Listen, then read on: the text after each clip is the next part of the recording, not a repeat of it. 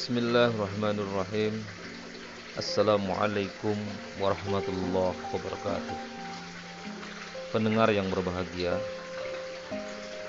Puji syukur mari kita panjatkan kepada Allah subhanahu wa ta'ala Atas limpahan rahmat dan karunia-Nya Serta nikmat sehat dan nikmat keimanan Yang telah Allah berikan kepada kita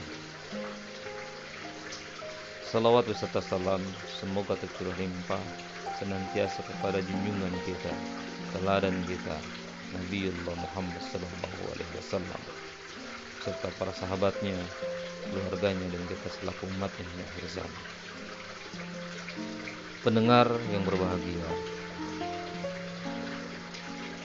banyak sekali umat muslim dunia mendambakan dirinya menjadi seorang muslim yang ideal sebagaimana muslim yang diharapkan untuk mendapatkan ridho dari Allah Subhanahu wa taala.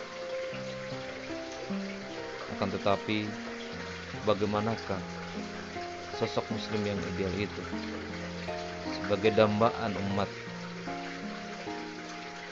yang kemudian kehadiran mereka membawa manfaat dan maslahat bagi umat. Hadirin rahimakumullah. Sebenarnya bagaimana sih sosok yang muslim ideal itu?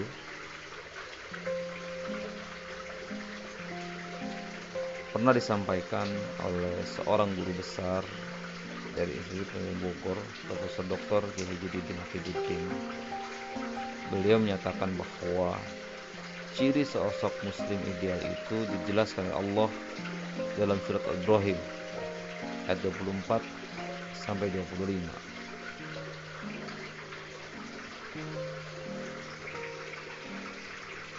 Beliau menyampaikan bahwa dalam ayat itu dinyatakan bahwa tidakkah kamu perhatikan bagaimana Allah telah membuat perumpamaan kalimat yang baik seperti pohon yang baik.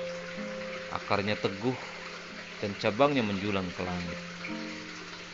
Pohon itu memberikan buahnya pada setiap musim dengan seizin Rabbnya. Allah membuat perumpamaan-perumpamaan itu untuk manusia supaya mereka selalu ingat. Dan perumpamaan kalimat yang buruk seperti pohon yang buruk yang telah dicabut dengan akar-akarnya dari permukaan bumi tidak dapat tetap tegak sedikit pun.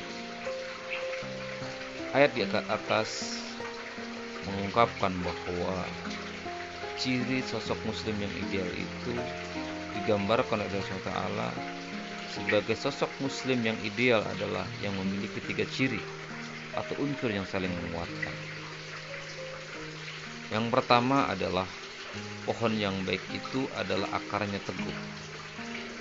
Jadi, muslim yang ideal itu memiliki akar yang kuat. Tidak mudah goncang karena ingin atau badai, karena angin atau badai. Akar yang kuat itu adalah tauhid atau akidah yang kuat yang tidak mudah goyah walaupun banyak tantangan dan tekanan. Kemudian yang kedua adalah pohon yang baik itu cabangnya menjulang ke langit. Sosok muslim yang ideal itu syariah atau ibadahnya kuat.